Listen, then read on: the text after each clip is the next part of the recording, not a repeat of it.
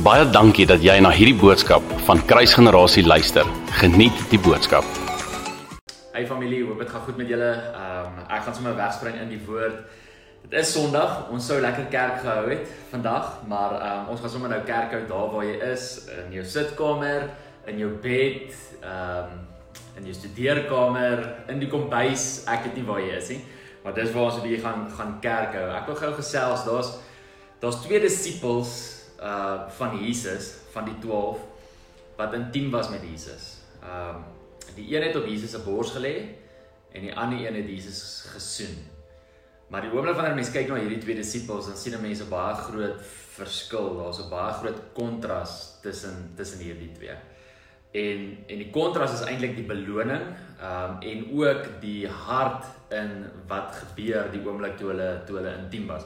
Vir julle hierdie lees in Markus 14 vanaf vers 44 staan daar Now his betrayer, praat van Judas, um had given them a sign saying whomever I kiss, he is the one.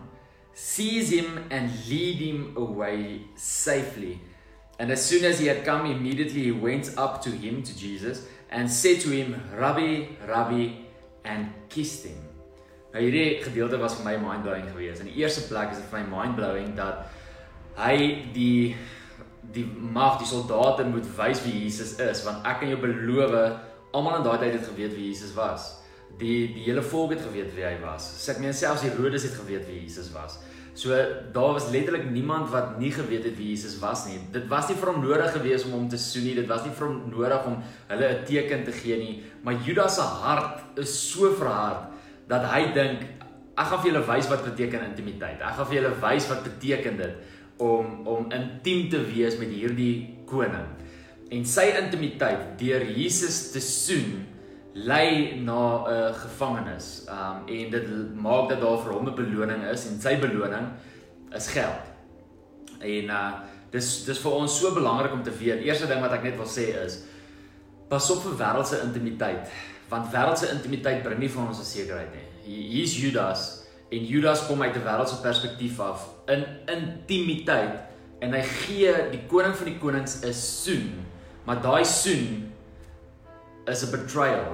Dit dit maak dat hy Jesus wil betray. Dit dit gaan nie oor oor 'n opregte hart nie. Dit gaan glad nie uit 'n regte gesindheid uit nie. So ons kan nie dink dat die oomblik wanneer ons intiem is uit 'n wêreldse perspektief af dat ons veilig is en dat ons hierdie mense kan vertrou nie. Ehm um, wêreldse intimiteit is baie gevaarlik Aan die ander kant sien 'n mens vir Johannes. Johannes gaan lê op Jesus se bors. En Johannes gaan lê op Jesus se bors omdat hy vir Jesus wil hê. Vir enigiets anders nie. Nie vir geld nie, nie om gesien te word nie, niks nie. Inteendeel, die mense sien hom raak as gevolg van dit wat hy doen. Maar dis nie hoekom hy dit doen nie. Hy lê net op Jesus se bors.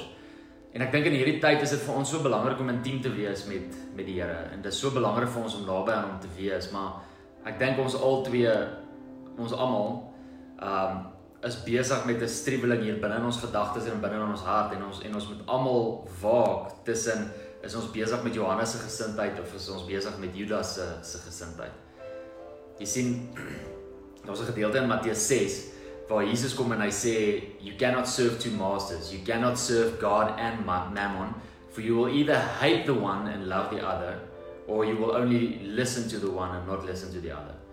So hierdie is 'n letterlike manifestasie in Judas se se lewe. Judas is lief vir geld. Hy was die tesourier gewees. Hy was die een wat die geld ingesamel het en hy het Jesus betray vir geld. So Judas is ongelief ongelooflik lief vir geld. En hier's 'n letterlike manifestasie van dit wat Jesus sê. Jy kan nie jy kan nie albei lief hê nie. Jy kan nie vir God en vir Mammon lief hê nie want jy gaan eer of die een haat en die ander een lief hê. En dis juist waar Judas nou is. Hy hy haat God want hy's lief vir geld. En omdat hy lief is vir geld en omdat sy hart behoort aan geld, is sy rede vir intimiteit verkeerd. Ek is so bewus in hierdie tyd dat daar soveel mense gaan wees wat intiem gaan wees met Jesus as gevolg van wat hulle uit dit uit kan kry.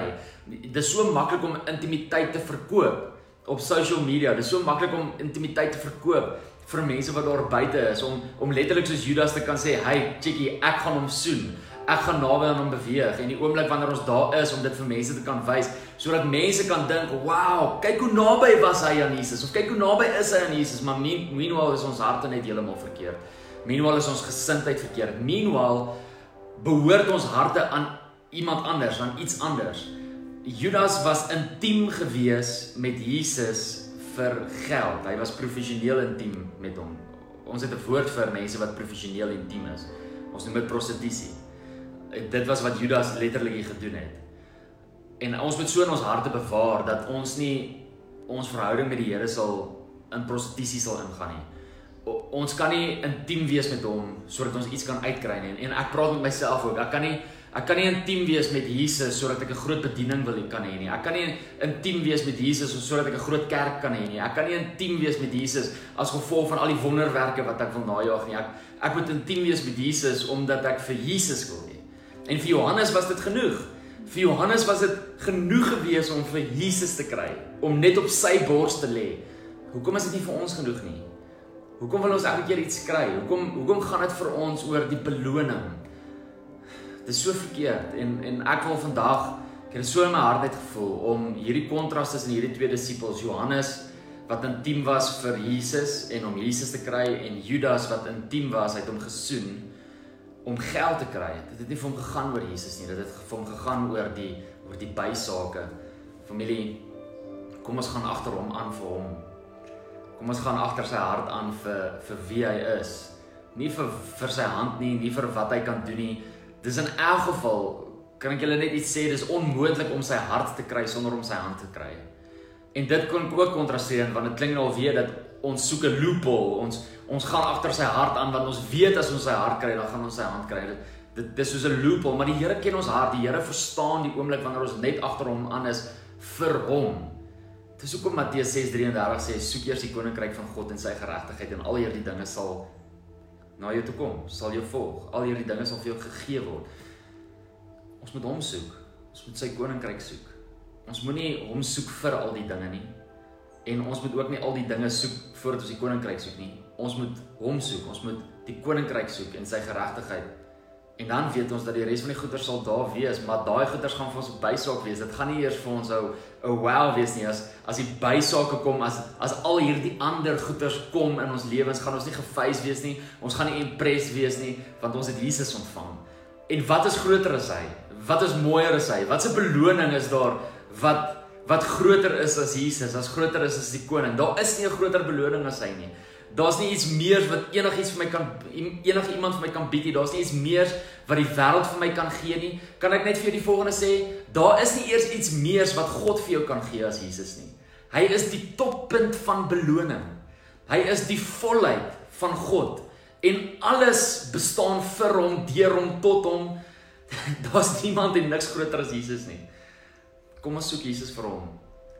Kom ons gaan agter sy hart aan vir vir wie hy is. Kom ons hê hom lief. Kom ons wees nie Judas nie. Mag ons toelaat dat Heilige Gees ons harte beskerm. Mag ons toelaat dat Heilige Gees ons ons lei en ons rig.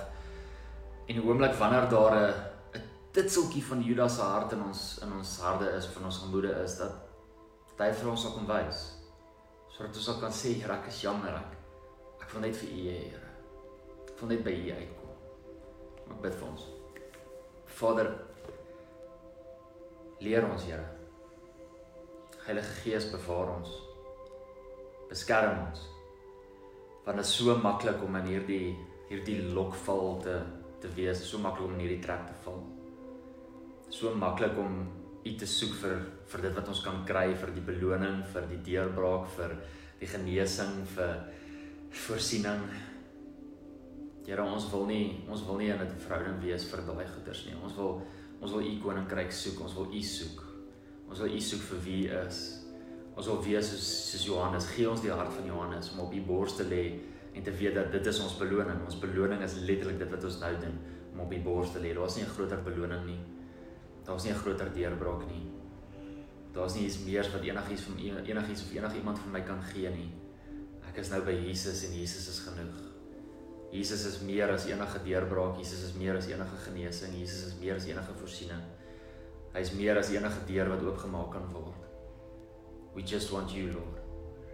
En ek bid vir elke persoon wat hierna kyk, Here. Heilige Gees, kom wys ons. Kom skyn die lig binne in ons harte in sodat ons kan sien of daar duisternis is. Of daar enige enige teken is van Judas se hart en Judas se gesindheid. Help ons om altyd verlief te wees op Jesus eerste. Ek bid dit in die naam van Jesus Christus. Amen.